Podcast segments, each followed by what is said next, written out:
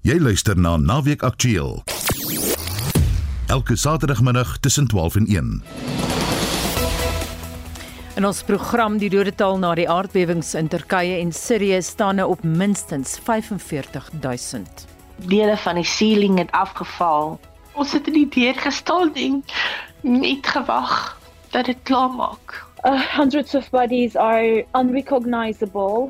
Honestly, it's the first time in my life I can feel this phrase smell of death because it's everywhere. Onwettige mynbouaktiwiteit in Gauteng bedreig energie-infrastruktuur. Some of the Zamazamas were even around during the visit, so basically they were just continuing with the digging right outside the Rudaport substation. Die ander kommer is dat die langdurige ontploffingsaktiwiteite tot die ineenstorting van ons behuising kan lei. En die misdaadstatistiek wat gister bekend gemaak is, is onder die soeklig. Die span in die ateljee vanmiddag, redakteur Marlenae Forsie, ons produksieregisseur JD Lebeskakni. My naam is Anita Visser. Die gemeenskappe van Rodepoort en Eldorado Park in Johannesburg sit al weke lank sonder krag weens kabeldiefstal. Dit word toegeskryf aan onwettige mynwerkers, oftewel Zamazamas. City Power se woordvoerder, Isak Mangena, sê geotegniese toetse word nou by twee substasies in Rodepoort en Robertville aan die Wesrand gedoen nadat die grondoppervlak by die substasies gekraak het especially those along the main road where critical electricity infrastructure is at risk of collapsing due to these Zamazama activities that are happening in the area. We are basically doing this to determine whether the structural integrity of the two substations that are sitting next to the illegal mining activities are still intact. This include also the pylons that run between the two substations. City Power het saam met die burgemeesterskomitee die substasies besoek. Some structural components within the substation, including the plinth or the floor on which the transformer and the switch gear sit. And the concrete area is really shaky with the risk of the substation caving in at any time. Some of the Zamazamas were even around during the visit, so basically they were just continuing with the digging right outside the Rudaport substation where those activities are threatening the integrity of the surface floor, the building that houses the switchgear, and also the pylons along the servitude where the servitude basically runs. Mangena beweer dat onwettige mynwerkers koper steel indien hulle geen goud vind nie. We have already seen last year where they stole about 24 copper cables from the transformers, and several areas basically went for days without electricity. We are going to conduct geotechnical studies immediately, and a decision will be drawn on whether the substation should be moved to another location or maybe they should remain at the same place with some reinforcement, structural or even the ground reinforcements put. Mobiele stasies word as korttermynoplossing oorweeg, maar Mangena sê ook hulle is op soek na 'n veilige stuk grond indien dit nodig gaan wees om die substasies te verskuif. Intussen probeer hulle die huidige substasies beveilig.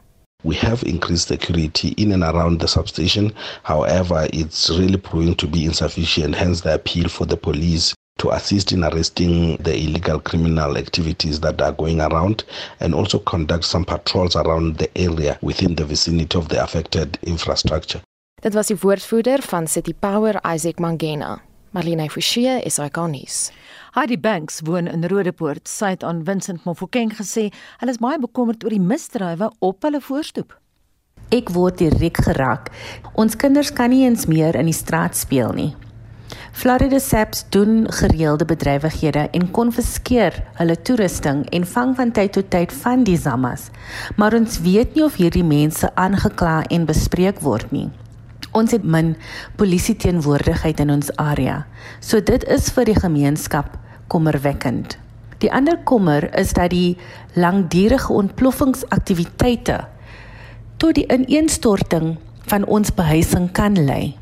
So ons het 'n ingryping onmiddellik nodig. Die onafhanklike misdaadontleder, Dr. Johan Burger, sê dit is die gevolg van polisielede wat nie hulle take op 'n doelgerigte en volhoubare wyse uitvoer nie. Kom ek sê net twee goed. Die een is ek dink dat jy wel situasies gaan kry waar plaaslike owerhede, selfs besighede uit moedeloosheid op eie inisiatief sekere goed doen. Die vraag is net altyd of dit enigsins die probleem gaan oplos. My eie gevoel is jy verplaas eintlik net die probleem, jy los hom nie reg op nie. Die oplossing is veel eerder geleë in 'n uh, gesamentlike optrede teen valsorganiseerde misdaad. Dwars deur die land uh, deur middel van getekende optrede wat amper sê onder beheer van die regering val want hulle is sonder enige twyfel die hoofrolspelers. Johan, wat is die impak van die polisie wat nie by hulle beloftes hou nie? As jy net na die polisie kyk, dan sien ons in die afgelope dekade en 'n half reeds dis volgens meningspeiling het die polisie al iets soos 5 of 36% in terme van die meningspeilings het die vertroue in die polisie gedaal. Nou gebeur twee goed. Die een is dat mense toenemend die reg in eie hande neem Party doen dit redelik verantwoordelik deur middel van buurtwagte, gemeenskapspolisieforums waar hulle eenvoudig misdaadbekamping doen op 'n wyse wat hulle dink gaan werk en wat noodsaaklik is. En dan kry jy die sogenaamde Engelse praat van mob justice. Omdat hulle nie meer vertroue in die regstelsel het nie gaan hulle en hulle straf hierdie mense self. Dit was maak hierdie mense dood. So dit lei net tot meer weteloosheid Dit was Dr. Johan Burger, 'n onafhanklike misdaadontleder. Vincent Mufokeng, SAK nuus. Die gebeure speel af te midde van die bekendstelling van die misdaadstatistiek vir die 3de kwartaal van 2022. Dit toon 'n beduidende stygings in bykans alle misdaadkategorieë.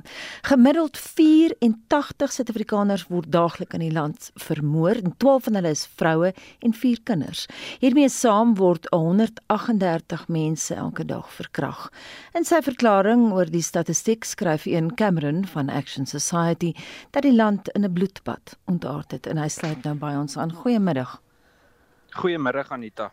Inderdaad slegte nuus, maar voordat ons nou verder praat oor die misdaadstatistiek, het nou geluister na die vorige storie wat gebeur in Gauteng by substasies en natuurlik die onwettige mynwerkers. Jou reaksie daarop een? Ehm um, ja, dit is 'n dit is 'n baie baie groot krisis Anita. Ek dink ons moenie ons moet ook nie vergeet of onderskat wat die polisie se betrokkeheid by hierdie tipe goed is nie. Wat vir my altyd sleg is oor die mynbedrywighede is dat die polisie partykeer en veral Bekkie Cele um uh, en Elis Mawela die die provinsiale kommissaris in Gauteng kondig aan dat hulle hierdie arrestasies maak en dan is dit 'n groot fanfare oor 15 of 16 onwettige miners maar dit help absoluut niks want party van daai skagte het tot 4 selfs 5000 miners wat in 'n skag werk of wat op daai spesifieke myn werk En uh, en natuurlik hoor ons nooit weer iets oor die vervolging nie. So ons praat oor arrestasies en hulle jaag hierdie arrestasiegetalle, maar dit beteken absoluut niks as die uh, as die boef die volgende dag net weer terug op straat is nie. Net terug na die misdaadstatistiek. Ek was geskok om te sien 84 Suid-Afrikaners word elke dag vermoor. Jou reaksie, jou oorhoofse reaksie. Ja, dis omtrent 3 per uur. Ehm um, dis verskriklik. Die uh, per capita getal is nou heelwat 'n uh, uh, uh, entjie oor die 20 plekke soos die Oos-Kaap en die Wes-Kaap en gedeeltes van Natal en Gauteng is die regte brandpunte en uh, en ja, ek dink ons almal is in gevaar wat erg is as vrouens en kinders dink ek uh is besig om toenemend in 'n risiko uh, area te verkeer. As jy die SAPD kon hervorm, wat sou jy doen? Ek sal begin om Bekkie Cele af te dank, nie omdat dit die alleen oplossing is nie, maar ek dink ons moet ons ons moet begin op die heel ho hoogste vlak. Uh, volgende sou ek 'n vaardigheidsaudit gedoen het onder die bestuur van die polisie. Ek dink daar's 'n baie groot hoeveelheid of komponent uh van generaals en brigadiers wat uiters onbevoeg is en wat net polities aangestel is. Ons sit op die stadium met oor die 200 generaals in die polisie, oor die 600 brigadiers. Dit kos die polisie of die staat 1 miljard rand per jaar om hulle uh, sakke vol te hou. En uh, en dan sou ek begin het met 'n poligraaf proses om ons net in die regte rigting te wys vir waar ons moet ondersoek vir wie in daai senior range betrokke was by georganiseerde misdaad. As ons nie dit gaan doen nie, dan help dit nie ons plak pleisters op grondvlak nie. Ehm um, dit is soos om 'n pleister te plak op 'n op 'n wond wat 'n operasie nodig het. En dan moet ons 'n voorbeeld maak van hierdie mense en dit moet vinnig gedoen word. 'n Mens kan nie 6 jaar wag terwyl hy op spesiale verlof geplaas is en nog steeds betaling kry nie. Ons moet hulle brand. Hulle moet regtig seer kry en en en en, en hulle moet dit moet geopenbaar word teenoor die land Ongelukkig is dit so dat baie op provinsiale vlak en nasionale vlak is daar groot gedeeltes van die Suid-Afrikaanse Polisie diens wat gekaap is deur misdaadbedrywighede. Ek wil terugkom na die statistiek toe want ek is regtig geskok oor die feit dat 84 Suid-Afrikaners daagliks vermoor word. Met ander woorde terwyl ons praat, is daar dalk mense wat luister wat voor vanaand vermoor gaan word om eers te praat van môre nie. En dan kyk ons nie een na die land se kinders nie. Vier kinders word elke dag vermoor.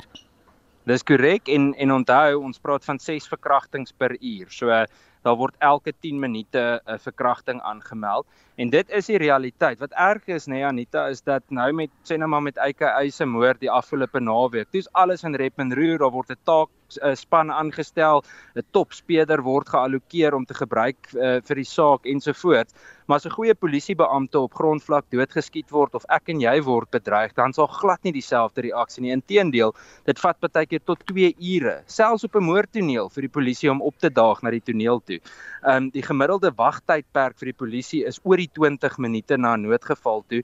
So dit sê vir ons dat meeste van die tyd vir die eerste, kom ons sê ten minste 10 tot 20 minute van 'n misdryf of na die tyd, is jy op jou eie en uh, en ons kan dit sien. En die eenvoudige ding is daar is nie suksesvolle vervolging nie. So dit beteken ons is besig om 'n omgewing te kweek waar georganiseerde misdadigers en ander misdadigers absoluut kan floreer en ongelukkig is ons besig om dit nou te uh, weet te sien uitspeel voor ons wat ons so lank oor gewaarsku het. Sou jy sê misdaad is endemies? Ja, ehm um, ja, ek ek dink ek dink dit gaan en dit gaan baie erger raak in die volgende 2-3 jaar. Die hoeveelheid polisiebeamptes, goeie beamptes wat die polisie verlaat, neem hulle nie kwaliek nie en die tekort aan bevoegde beamptes en die massiewe tekort aan kundigheid in die departement van justisie ensovoorts is 'n krisis. Oplossing weer eens geïntegreerde benadering. Ek stem saam met Johan Burger. Ehm um, veral as dit kom by iets soos jy weet wat is daai geïntegreerde benadering? Hoekom sit 'n Ronald Lemola nie langs Bekkie Cele as hulle statistieke praat en hulle deel met ons die oplossings nie? Maar daar is nie daai benadering nie. Op die stadium is dit baie gesegmenteer, baie verdeel en ons sien nie dat daar gesamentlike uh, vooruitgang is nie. Ek is nou bly jy gebruik die woord bevoegde beamptes. Daar is natuurlik baie goeie polisiemanne en vroue. Hoe sê jy die moreel in die diens beskryf? baie baie laag. Meer as 50% van beamptes vertrou nie hulle kollegas nie. Dit volgens 'n interne peiling van die polisie verlede jaar. Ehm um, so so baie baie laag. My hart bloei vir hulle. Ek het uh, ons het 'n ag 'n klomp van hulle en ek spandeer elke dag tyd met hulle en ek moet vir jou sê ek sal eer hulle vir die feit dat hulle uit ek kry hoendervleis as ek dit vir jou sê want ek weet nie hoe hulle dit doen nie. Ek dink hulle is in in baie baie moeilike omstandighede en ons moet alles in ons vermoë doen om daai goeie beamptes te probeer koester. Het nie altyd al die antwoorde vir hoe ons dit moet doen nie, maar ons moet hulle probeer ondersteun. En daai pleidooi oor koestering kom van een Cameron, hy is die direkteur van gemeenskapsveiligheid by die burgerregte organisasie Action Society. Die Gautengse premier, Panjasa Lesufi, het Carltonville op die Wesrand besoek om die toename in sinkgate te ondersoek. Sy besoek volg op die vorming van twee nuwe sinkgate in die Goedsong Township. Vincent Mofokeng berig dat inwoners bang is hulle huise gaan in die slag bly. Hy het by 'n geoloog van Clarence in die Vrystaat, Dr. Gideon Groenewald gaan uitvind hoe sinkgate in die gebied moontlik kan vorm. Dolomiet met 'n M is 'n chemiese klip. As daar water deur dolomiet beweeg, dan los hy die klip op en dan kom 'n gat. Hy spoel heeltemal weg. Onder die grond kom tonnels. Dan het jy 'n klip met die naam van doleriet met 'n R. In die ou boeretaal, dis eysterklip. Daai ding wil nie breek nie. So as jy op doleriete werk, is jy veilig, maar as jy by dolomiete werk, is jy in die moeilikheid. En ek dink dit is waar Carlton wil 'n probleem het met die dolomiet met die M. Die dolomiet in die gebied hou gevaar in vir diegene wat hulle wonings dekades terug bo die sinkgate gebou het. Onder Caldenwil met die verlaging van watertafels, die uitpomp van water deur die myne, het hulle hierdie tonnels onder die grond leeg gepomp en dit laat die dakke oor tyd instort in hierdie gate in. Wat my persoonlik 'n bietjie pla met die skielike vermeerdering in sinkgate, kan die reënval wees wat hierdie goed vol water maak en die dak is destabiliseer, maar ek wonder net of ons nie kyk oor die hele gebied van die ou myne of die Zamazama mense nie die boergrond destabiliseer. So dit beteken hulle grawe net in die los, ek wil amper sê jou grond wat afgeskyfer het van die berge af oor al die miljoene jare, grawe hulle op tussen 12 en 20 meter tonnels om die goud nou uit te haal wat daar nog oorgebly het wat die ou myne natuurlik nie in belang gestel het nie en dit maak dat die ondergrond vol tonnels is wat soos molsgate is maar groot genoeg vir 'n mens om in te kruip of te selfs te loop. Mens moet uitvind waar hulle klaar hulle werk gedoen het en daai uh, tonnels toe kry so gou as moontlik en rehabiliteer sodat die goed nou nie onverwags hulle dakke inval nie. Dis al hoe ek dink jy die ding gaan aanspreek in die kort termyn. Intussen vind ontwikkeling steeds op die grond plaas. In die langtermyn hierdie goed gaan opraak. Daar is net sekere gebiede, mense kan dit karteer waar hierdie tipe grond en geologie voorkom en jy gaan hulle of op 'n manier die myn van die goed moet verbied wat amper onmoontlik gaan wees, maar jy gaan jou huise daar moet weghou sodat as hierdie mense daar in beweeg om te myn, dit letterlik net die grond gaan omkeer en omdolwe en die plante gaan oor 20, 30 jaar weer teruggroei en dan gaan niemand niemand bekommerd wees oor daai plek. 'n Raadslid in die dorp, Vuyani Tambeni, sê die plaaslike regering het nie planne om die probleem op te los nie en is in elk geval nie gewillig om die probleem op te los nie. The reality regarding sinkholes in Kudzong is that government doesn't care. It's a life-threatening phenomenon. People have fallen inside. We have seen animals fall inside. It's only a matter of time before we lose a life. However, the government reaction towards the situation has been bad, has been has been terrible. To date, the mayor hasn't said anything about it. The district, as the custodians of risk management around the Western District, hasn't said anything about it. It's only now that Panyaza Lusufi is coming and coming to do what? To listen to people tell him about the phenomenon that has been happening for how long? Cerise Mchacheni, die adjunct president van 'n onafhanklike party, Merafong Agents of Change, sê die gemeenskap leef in vrees. Can imagine what it's like living on the edge of a sinkhole, or better yet, knowing that at any point, you know, a hole might swallow your whole household and family. People are angry that it's been left to go this far because this is something that was preventable in many instances. Other people do not want to relocate because the houses that are being allocated are too small. You have people who have spent life savings and built beautiful, big five, six bedroomed houses who now have to relocate to RDPs. You have children who don't know what is happening, who cannot go to school at the moment. Die plaaslike munisipaliteit kon nie teen die spertyd vir kommentaar bereik word nie. Ek as Vincent Mufokeng vir SAK nuus. Die Ugandese regering is onderskoot weens sy weiering om die VN Menseregte Kommissariaat se mandaat in Kampala te verleng. Naweek aktueel het gaan ondersoek instel. Uganda is nou nie juis 'n toonbeeld van menseregte nie. Homoseksualiteit word verbied in die land met lewenslange tronkstraf wat opgelê kan word vir diegene wat die spesifieke wet verbreek. Emeritus professor Willie Breitenberg van die Universiteit Stellenbosch sê president Yoweri Museveni se besluit om die Verenigde Nasies se menseregte kantoor in sy land te sluit kom dus as geen verrassing nie. Ek dink dit lê maar in die DNS, dit lê in die geskiedenis van die land met onthou dit is die land van Idi Amin wat die gebore Indiërs van daardie land huis toe gestuur het, Indië toe gestuur het. Daar was ook ander probleme sedertdien ook met ander groepe en so aan en dit is 'n land wat ook al ses staatsgrepe opgelewer beginnende by Idi Amin self en van sy opvolgers het ook met staatsgrepe aan bewind gekom dit is 'n land wat nie baie goed bestuur is nie en geweld was altyd baie naby aan die oppervlak. Trouwens, die gebrek aan 'n menseregte kultuur is byna endemies, sê Breitenberg. Daar was ook natuurlik die Lord Resistance Army wat tot stand gekom het wat niks met die regering te maak gehad het nie. Hulle was etnies gebaseer geweest op die Acholi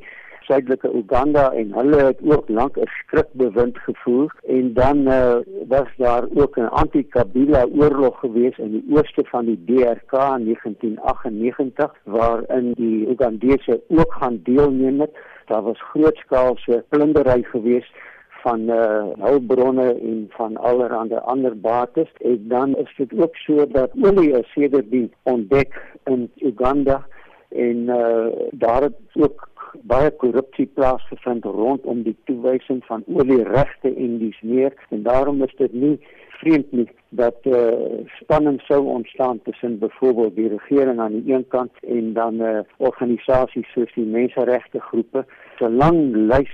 Helaas was die VN-hoogkommissariaat in Kampala een van die min bastions wat menseregte in die Oos-Afrika staat bepleit en gemoniteer het.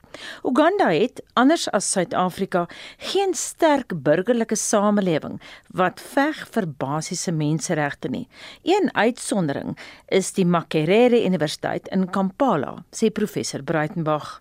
Ja, is een goeie ding naamlik die Universiteit van Makerere wat nog altyd beskou word as een van die beter universiteite in Afrika en dit bestaan nog eintlik al die tyd wat uh, geduld word deur die regering. Hoe lank dit nog sou kon aangegaan het, weet mense nie, want uh, dit is juis in hierdie omstandighede wat spanninge tussen die regering van Uganda en in die buitewêreld veral dit wat met menseregte te maak het 'n groot probleem was en daarom het vir my gegee dat een of ander tyd sou daar 'n uh, groot ontploffing plaasgevind het wat dit betref. Een buitelandse staat wat geen probleem met Uganda se skrikwekkende menseregte rekord het nie, is China. Die rede daarvoor is voor die hand liggend. Beijing is self geen bastion van menseregte nie.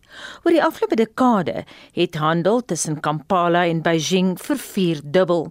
Volgens die jongste beskikbare statistiek het die syfer in 2008 op 230 miljoen Amerikaanse dollar gestaan in vergelyking met 'n miljard dollar in 2018. Ook wat Uganda se infrastruktuur betref, het die Chinese fliks hand baie gesit. Hulle het die Nelson Mandela Stadion in die Wakiso distrik in die sentrale gedeelte van die land befonds en was ook betrokke by Uganda se grootste hidroelektriese projek by die Karuma waterval in die noorde van die Afrika staat. En soos professor Willie Breitenberg sê, sit die twee vriende in dieselfde damkring weens dieselfde waardes of gebrek daaraan. Intussen het Human Rights Watch in Uganda by monde van Oriem Nieko teleurstelling uitgespreek om Nieko direk aan te haal. Instead of removing another critical voice from the human rights ecosystem, Ugandan authorities should create an enabling environment for rights advocates to work in. Ongelukkig beperk wetgewing wat in 2016 van krag geword het, die aktiwiteite van onafhanklike stemme vanuit die burgerlike samelewing. Die sogenaamde Non-Governmental Organisations Act plaas 'n demper op enige kritiek. 2 jaar gelede het president Museveni dan ook die Europees befondste Democratic Governance Facility se werksaamhede opgeskort. Dit alles raak Suid-Afrika ook negatief, sê kommissaris van die Menseregte Kommissie hier, Chris Nissen. Natuurlik moet ons verstaan die soewereiniteit van Uganda, maar die feit dat vlugtelinge in 'n nood en asielsoekers in 'n nood verwerp word deur 'n besluit creëer baie meer probleme nie net vir Uganda nie, maar ook vir Suid-Afrika. Want nog ons meer en meer vlugtelinge kry wat Suid-Afrika toe kom. Suid-Afrika is die ontvangsland wat vlugtelinge van die kamp het. So dit is teensvaardig dat ons die nood van vlugtelinge en asielsoekers nou sommer met een skrap net verwyder van 'n agenda waar daar soveel nood en lyding is op die kontinent. Dit dan Chris Nissen, 'n kommissaris verbonde aan die Suid-Afrikaanse Menseregte Kommissie. Ander streekswoordvoerders kon nie bereik word vir kommentaar nie. Sindiso Ngatsha Sikone, hoof van Zambië se Menseregte Kommissie, wou eenvoudig geen kommentaar op die saak lewer nie. En ons bly in Afrika, president Cyril Ramaphosa is in Addis Ababa vir 'n twee-daagse samekoms van die Afrika Unie. Dit is die 36ste beraad van die liggaam wat vanjaar fokus op die Afrika Vryhandelsgebied wat in 2022 tot stand gekom het. Nou vir sy verwagtinge daaroor praat ons nou met Roland Henwood van die Universiteit van Pretoria. Goeiemôre. Goeiemôre Anita. Die Afrika Vryhandelsgebied het op 1 Januarie verlede jaar tot stand gekom. Hoe suksesvol is dit sover? Ek dink is te gou om regtig te gaan kyk na hoe suksesvol dit is. Ons is aan die beginfase hiervan en daar's 'n hele klomp werk wat gedoen moet word. So die beginsel is gevestig, die praktyk is besig om vorm aan te neem, maar ons kan nog nie regtig 'n oordeel vel nie. Roland vrede en sekuriteit sal soos wat die patroon maar is nou weer ter sprake kom. Dink jy ons kan enige innovering daar verwag?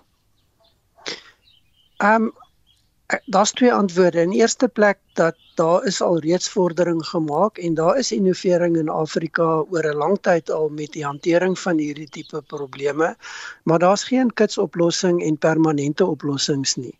En ek dink 'n mens kan hier maar net gaan kyk wat gebeur in Europa rondom Oekraïne en dan wys dit vir jou hoe groot is die probleme en hoe moeilik is dit om te hanteer. En Afrika is daar nie uitsondering nie. So daar's reeds baie vordering gemaak, maar daar's natuurlik baie wat nog gedoen kan en moet word. Gepraat van vrede, Pretoria se vredesverdrag tussen Ethiopië en Tigray word tans geïmplementeer. Wat is die langtermynkanse op sukses?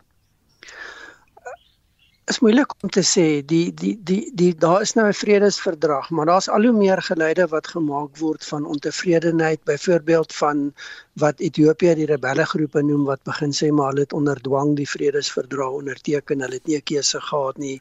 En dan natuurlik die implementering daarvan is die, die kwessie van tot watter mate hou almal hulle by die letter van die ooreenkoms.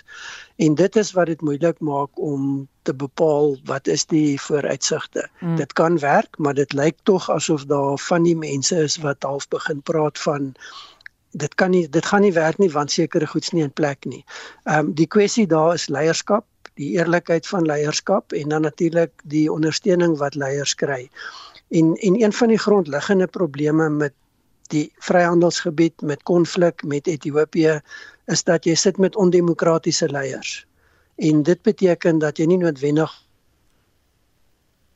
Roland is jy daar? Dit beteken dat jy nie noodwendig Nou dit lyk my ons het Roland Henwood daar verloor.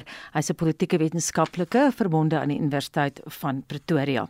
Dis nou 12:32 en Christo Gawie sluit by ons aan met die dag se sportnuus. Goeiemiddag. Die legendariese roeier Andy Burkett het die tweede skof van die Dusi Kanoe Marathon van 42 km tot by die Inanda Dam in 'n tyd van 2 uur 57 minute en 54 sekondes gewen. Dave Evans het tweede klaargemaak gevolg deur Mswavenkosi Mtolo. Burkett is die gunsteling om die Dusi vir die 10de agtereenvolgende keer te wen. In die vroue afdeling het die tweemalige kampioen Christy McKenzie die tweede skof gewen, gevolg deur Bridget Hartley en Jordan Peak. In tennis het Jessica Pegula van Amerika en Iga Swiatek van Pole deurgedring na die eindstryd van die Qatar Ope tennistoernooi in Doha. Pegula het die Griek Maria Sakkari in 3 stelle geklop terwyl Swiatek Veronika Kudermetova van Rusland in skoon stelle uitgeskakel het. Die eindstryd begin vanmiddag om 5 uur. In sokker het Orlando Pirates teruggebons om in die DStv Premier Liga te wen toe hulle Maritzburg United gisteraand in die Orlando Stadion met 2-1 afgeronsel het. Die oorwinning het die Buccaneers tot die 3de plek op die liga punteleer verhef voor hulle Soweto Derby teen Kaizer Chiefs op die 25ste Februarie. Vanmiddag om 04:30 kom Royal Am teen SuperSport United te staan. Half 6 vanaand is Richards Bay teen Sekhukhune United in aksie. En om 8 vanaand is AmaZulu en Galaxy slaags met mekaar. Môre middag om 04:30 kom Kaizer Chiefs en Golden Arrows teen mekaar te staan. Mamelodi Sundowns het gister twee oorwinnings in twee wedstryde in Groep A van die Afrika Kampioenligga behaal met 'n indrukwekkende sege van 3-1 oor Kameroen in Garoua. Die Suid-Afrikaners het binne die eerste 11 minute na 'n voorsprong van 2-0 gejaag en twee keer doele in 2 minute aangeteken. In toetskriket het Engeland Nieu-Seeland met 'n teiken van 394 gelaat om die eerste toets te wen nadat hulle vroeër vir 374 uitgehaal is. Die swartpette het na ete die laaste twee paaltjies vir die kostes van 25 lopies geëis. Die meeste Engelse paaltjies het gekantel toe hulle risiko's geneem het. Dag 2 van die tweede toets tussen Australië en Indië is ook vandag aan die gang. By die T20 vroue wêreldbeker speel die Engelse en Indiese vroue om 3 namiddag teen mekaar. Die Protea vroue pak Australië om 7 vanaand. En in rugby weet die Bulls hulle kan eenvoudig nie bekostig om vandag se kragmeting teen die Stormers te verloor nie.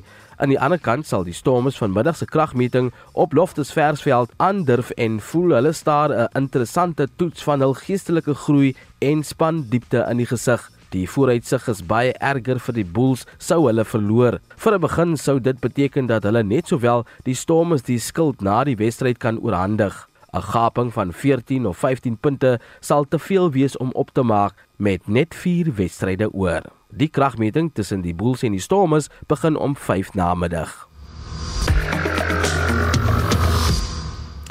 En die stem daar behoort aan Christo Gawie met ons sportnuus. Nou president Cyril Ramaphosa is in Addis Ababa vir 'n tweedaagse beraad van die Afrika Unie en ons het nou weer vir Roland Henwood van die Universiteit van Pretoria aan die hande gekry. Roland, kom ons praat verder daaroor. Kan jy my hoor?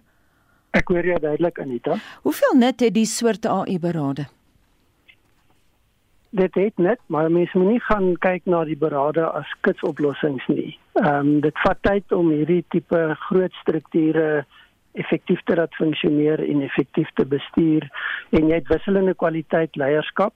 Party is demokraties, party is absoluut ondemokraties en kyk net na hulle self en dit maak die proses moeilik. Ehm um, weer eens 'n vergelyk kyk maar hoe kompleks is die Europese Unie wat baie kleiner is en waar baie groter mate van gelykheid in terme van vermoë ekonomies en polities bestaan. So die Afrika Unie is 'n uitdagende struktuur en 'n konteks om binne te funksioneer. En as jy iets aan die AI kon verander, wat sou dit wees, Roland? Ek dink daar moet 'n groter mate van buigsaamheid wees. Die beginsel dat almal altyd gelyk is al 54 lidstate altyd dieselfde moet hanteer word is onprakties. Daar's te groot verskille. Jy het demokratiese en demokratiese state, jy het gesofistikeerde ekonomieë en dan het jy wat nog baie ver agter is.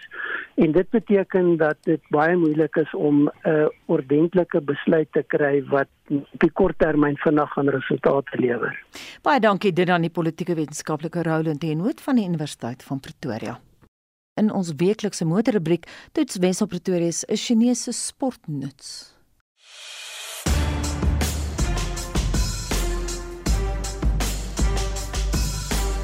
Wel, vir besonder goed in Suid-Afrika en het onlangs nog 'n H6 model wat grootte gewys met die Toyota RAV meeding bekend gestel. Die nuwe H6 is die GT model met sportiewe pretensies. Hy het 'n opvallende skuins agteruit wat hom 'n coupé sportnuts voorkoms gee. Dis nou deesdae in die mode. En die agterkant word verder beklemtoon deur 'n drukvin in die middel en bo aan die agterdeur. Terwyl die gewone H6 maar generies agterlangs lyk, het die GT 'n aggressiewe stert met blink uitlaatpype weerskante en mooier agterligte as die gewone H6.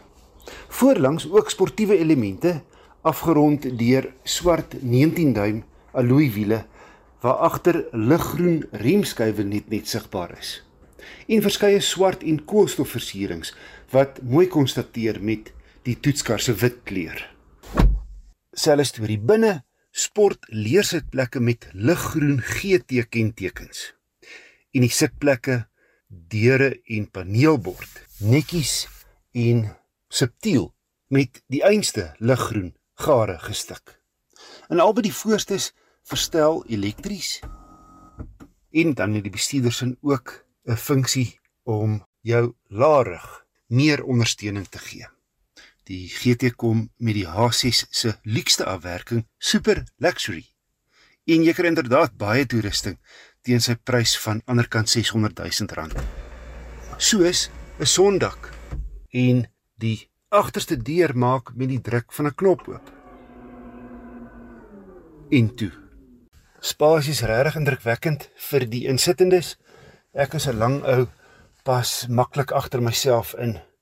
Die bagasiebak se ruimte is nie sleg nie tot en met die bagasiedeksel. Bo die bagasiedeksel het die skuins agteruit egter 'n impak. So as jy nou baie bagasie wil inpak met groot tasse reg opgepak, dan het die coupé-agtige agteruit wel 'n invloed op die hoeveelheid spasie beskikbaar. Ander geriefsitems in die H6 GT sluit in 'n draadloose laastasie vir jou selfoon, die sitplekke kan verhit en die hoë tegnologie kajuit het 'n futuristiese gevoel met 'n digitale veranderbare instrumentpaneel agter die stuur en 'n nog groter digitale inligting en vermaakskerm sentraal geleë.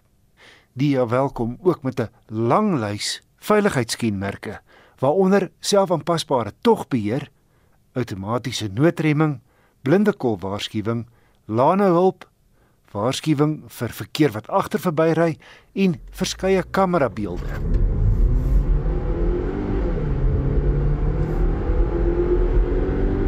2 liter petrol turbo gekoppel aan 'n 7-spoed dubbelkoppelaar outomaties skop 'n lewendige 155 kW en 325 Nm uit.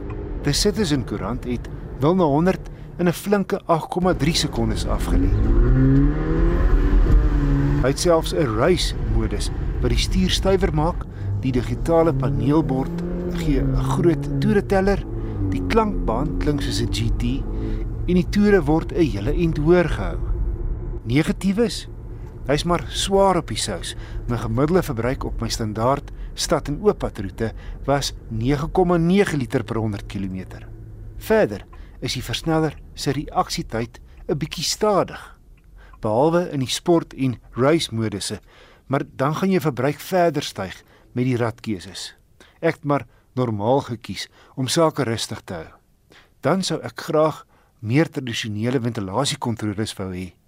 Die sentrale skerm beheer selfs die basiese funksies wat verstellings stadig maak en die aandag van die pad lei.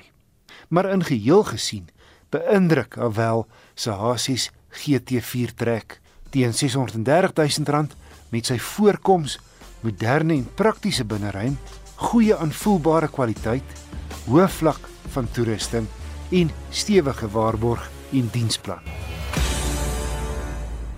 Die Suid-Afrikaanse spanne wat die afgelope week soek en reddingswerk in Turkye en Sirië gedoen het, het vooroggend op Oor Tambo Lughawe in Johannesburg geland.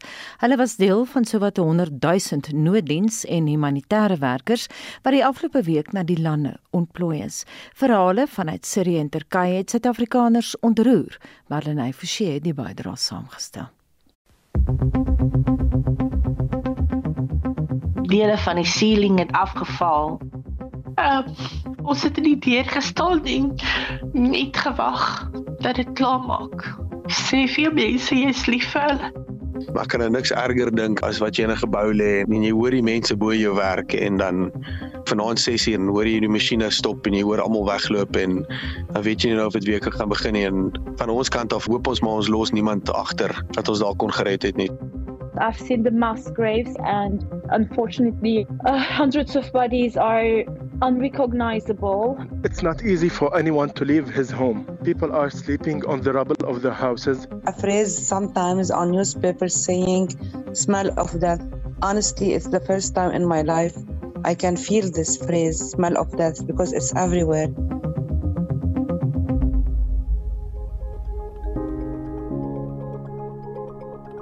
Dit is die stem van Jean Kaise, 'n verteenwoordiger van die Afrika Moslem Agentskap uit Libanon in Sirië.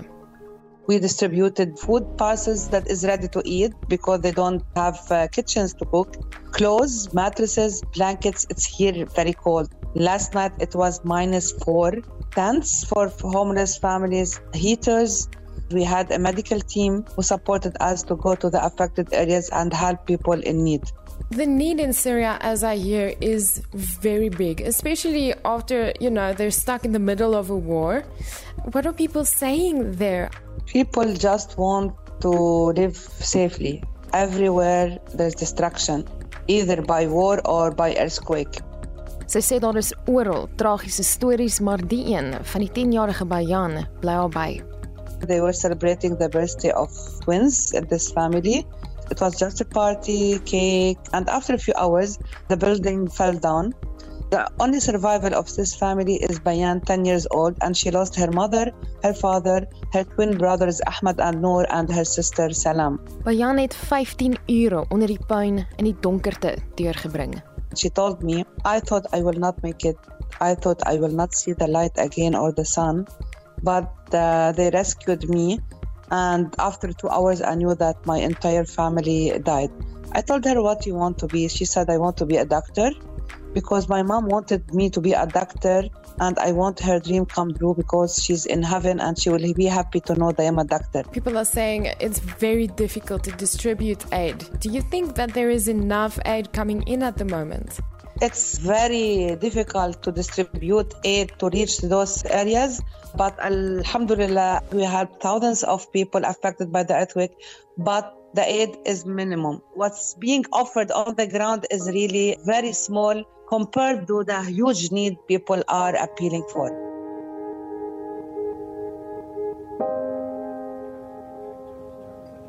Leon Fourie van die Medi Response ambulansdiens het gister met my gepraat voor die tog huis toe. As ek langer kon gebly het, sou ek langer gebly het. Ons hele span voel dat ons kan nog meer doen. Maar ons het gedoen wat ons kon en dit is maar op die mense van Turkye om te herbou en ek weet soveel lande sal definitief uithelp. Een van die hande is die Afrika Moslem Agentskap se media beampte Omar Hamish. Right now we are in uh, a village around uh, 50 kilometers away from Karikhan city. The situation in the city and outside the city uh, in these villages, the devastation that you can see in the buildings and the people is really unimaginable. Die koue weer in Sirië is ook inwoners van Turkye se voorland. Dit was bitter bitter bitter koud geweest. Daar was sneeu gewees. Elke oggend as jy wakker word, was alles toe gewees van die ys. Die eerste 2 aande was daar nie genoeg tente gewees nie, so ons het in ons slaapsakke buite geslaap. En die een oggend toe ek wakker word, lyk ek soos 'n husky in in die sneeu toe ek opstaan. Dit is net ys oral oor jou, jy weet. So ek kan nie myself indink wat daai mense onder die rommel daar gelê het sonder enigiets en hoe daai mense nog steeds lewendig is nie. Dit is mind-blowing. Dit laat jou net dink aan die resilience van die human body. Dit is amazing. En saam met die koue is daar ander uitdagings. Vir my die moeilikste was is net die toiletgeriewe. Daar's net nêrens wat ons kon toilet toe gaan het nie en die concern as ons net as ons siektes uitbreek.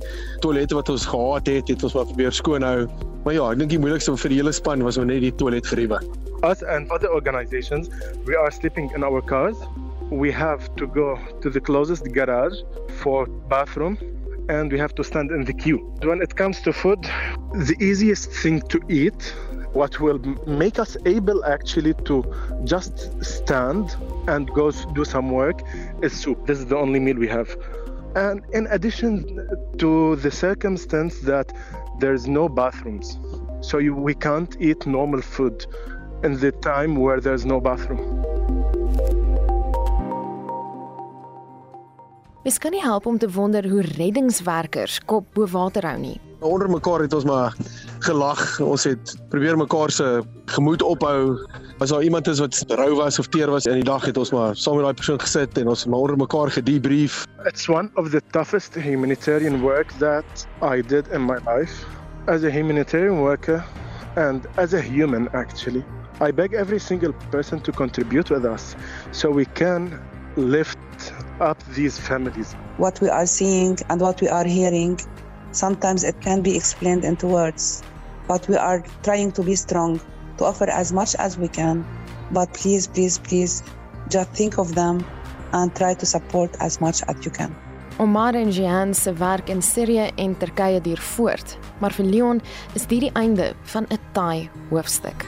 As ek terugkom, gaan ek sommer my seun gaan sit, met my seun gesels, vir hom verduidelik en sê wat ons gesien het en dan stelselmatig so rof as wat dit klink, maar net probeer dit agter jou sit en aanbeweeg en dan weer maar verskil maak terug in Suid-Afrika.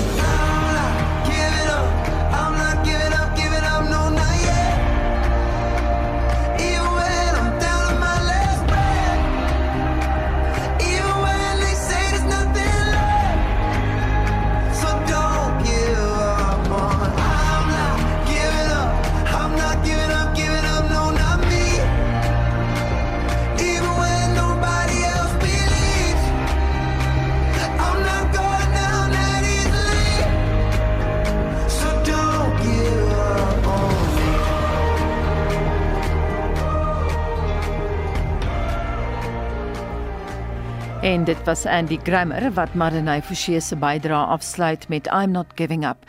Die dodetal in Turkye en Sirië staan nou op meer as 45000 en van die Midde-Ooste terug na Afrika. Kleinboere in Kenia het dit behoorlik hot agter omdat er duisende rooibek kwellas hulle gewasse bedreig. Die kwellas is 'n soort vink wat die volopste voëlspesies ter wêreld is met meer as 1 triljoen wat oeste in verskeie gebiede tuister. Die kwellas is veral nou 'n probleem in Kenia weens die voortsleepende droogte in die horing van Afrika, want die voëls vlieg agter nat toestande aan. Professor Henk Bouman van die departement dier Kunde aan die Noordwes Universiteit het die probleem vir naweek aktueel in 'n breër konteks geplaas. Ons is in Suid-Afrika verklaar tot die PES, die die departement van landbou op plekke waar hulle skade veroorsaak. Wat is die ekonomiese impak op hierdie kleinskaalboere? Want dit is 'n duur storie om die voëls te verjaag.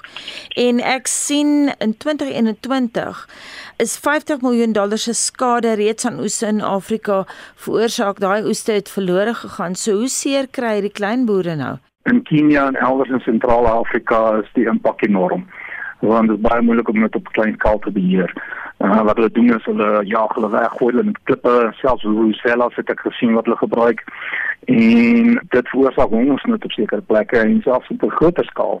So dan rysgewasse kan tot 90% van die oeste vernietig word. In sekere lande moes daar reeds begin rys invoer byvoorbeeld.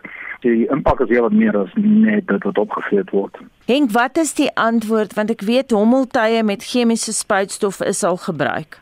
Ja, hommeltuie is al getoets elders, uh, nog nie in Suid-Afrika nie, maar hulle dink daaraan.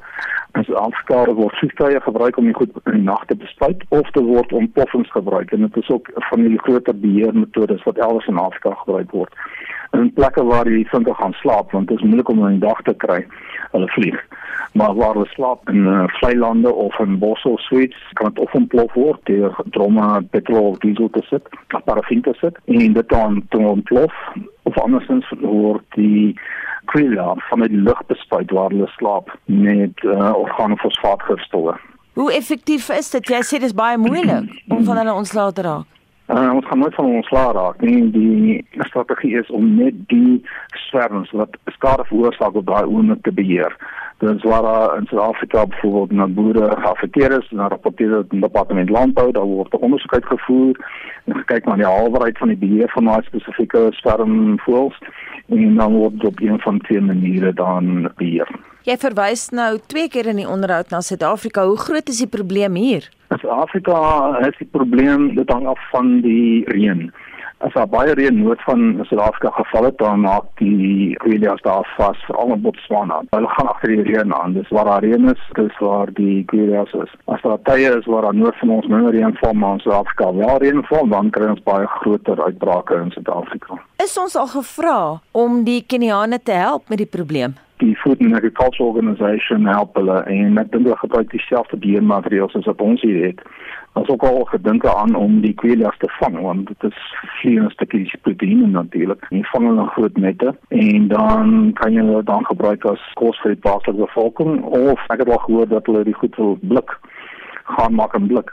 Maar ek weet nie hoe haalbaar dit is nie want die presies as rondvlieg, dit is baie moeilik om goed te gaan oes as jy nie weet waar hulle gaan wees nie. Dit is maar 'n probleem net soos vir die sprinkane wat ook in die geërende pes is, ook 'n probleem is. Dink jy dit gaan 'n langtermyn probleem wees? Jy praat nou van lande wat reeds nie meer rys uitvoer nie. Ja, die getal kwelias het toegeneem as gevolg van landbou omdat daar skielik baie meer saad op die weet in gekonsentreerde gebiede is. Daar is 10 tot 100 keer meer kwelias nou as wat daar voorheen was. En solank as anders ander plant en ons nie 'n keuse natuurlik om dit te doen nie, uh, gaan ons met die probleem sit en ons het nie 'n alternatief om hulle op enige groot skaal te kan beheer nie. En natuurlik uh, die droogte in die horing van Afrika het ook nie gehelp nie. Nee, die droogte in Noord-Afrika het juist die kwelias uitgedryf na Kenia toe en dis ook in Kenia boere, al die klein boere, groot probleme sit.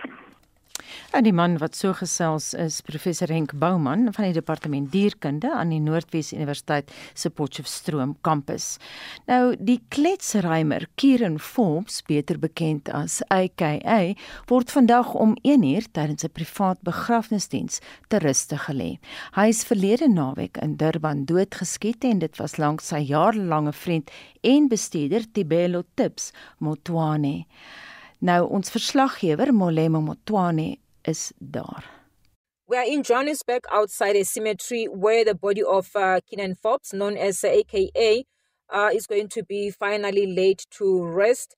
As we have witnessed a week ago, South Africans woke up to the news of the brutal murder of the hip hop rapper outside a popular restaurant in Durban, where he was fatally shot with his longtime friend Tibelo Motswani, whose uh, memorial service was held on Thursday, uh, which was followed by that of AKA uh, on Friday.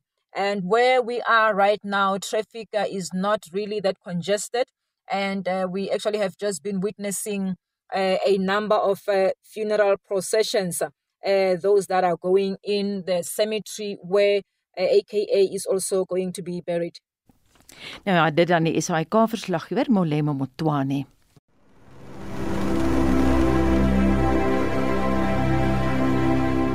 Ek is Stefan Lots, 'n ruimteweernavorser by SANSA. Ek is Willie Koorts, 'n elektroniese tegnikus by die Sterrewag in Kaapstad. Ek is Mati Hofman, bestuurder van die Nuwe Wiel Planetarium in Bloemfontein. Ek is ook betrokke by Boyden Sterrewag. I'm Jim Adams. I'm the retired Deputy Chief Technology Officer of NASA. En ek is Lafra Smit, 'n amateur sterrekundige en astrofotograaf. Onthou hier op RSG sterre en planete om 08:30 Sondag aande.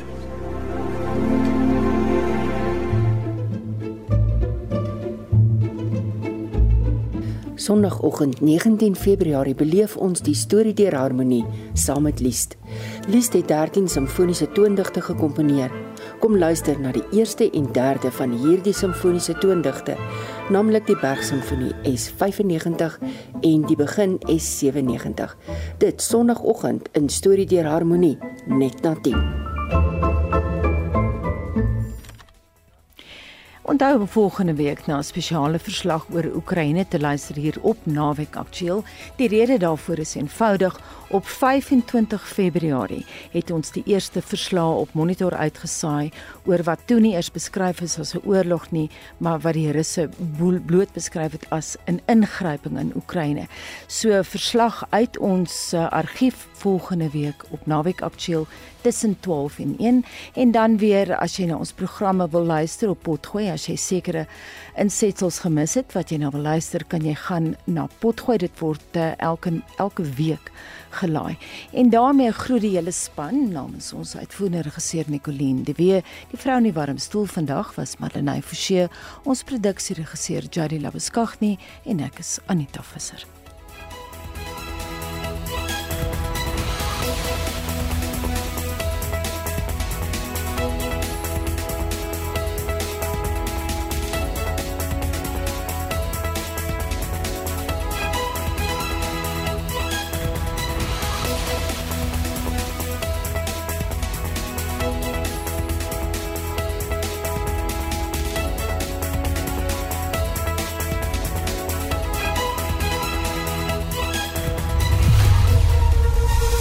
SAK nuus. Onafhanklik, onpartydig.